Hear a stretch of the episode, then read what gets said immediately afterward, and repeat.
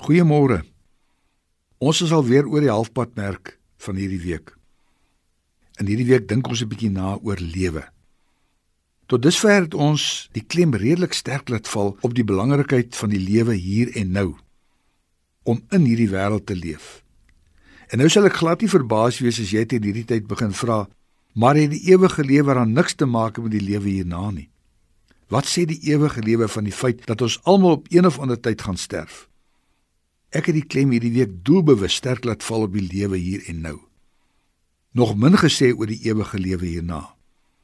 Ongelukkig is dit so dat vir baie gelowiges die begrip lewe of ewige lewe dikwels net 'n konnotasie het met die lewe hierna en die moontlikheid van die hemel toe gaan, soos baie mense dit uitdruk.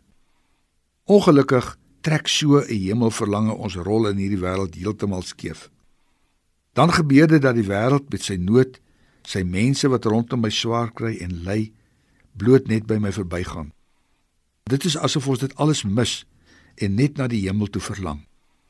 Of wanneer ek 'n ernstige krisis verkeer, dadelik begin bid dat God my asseblief tog moet kom haal. Ek wil verlos word van die pynlike en onaangename werklikheid. Ek verstaan dit maar te goed. Elkeen van ons wat al deur sulke lewenskrisisse beweeg het, sal dit weet. Dat ons maklik na die dood en na die hemel hierna verlang.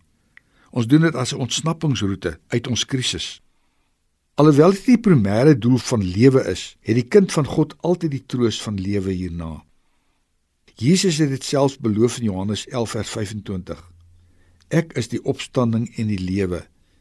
Wie in my glo, selfs al sterwe hy ook en elkeen wat lewe en in my glo sal in alle ewigheid nooit sterwe nie. Daar is nog heelwat sulke verwysings in die Bybel. Dink maar aan Johannes 14 vers 4, wanneer Jesus ons kom beloof dat hy ons sal kom haal na die plek toe wat hy vir ons voorberei het in die Vader se blyplek.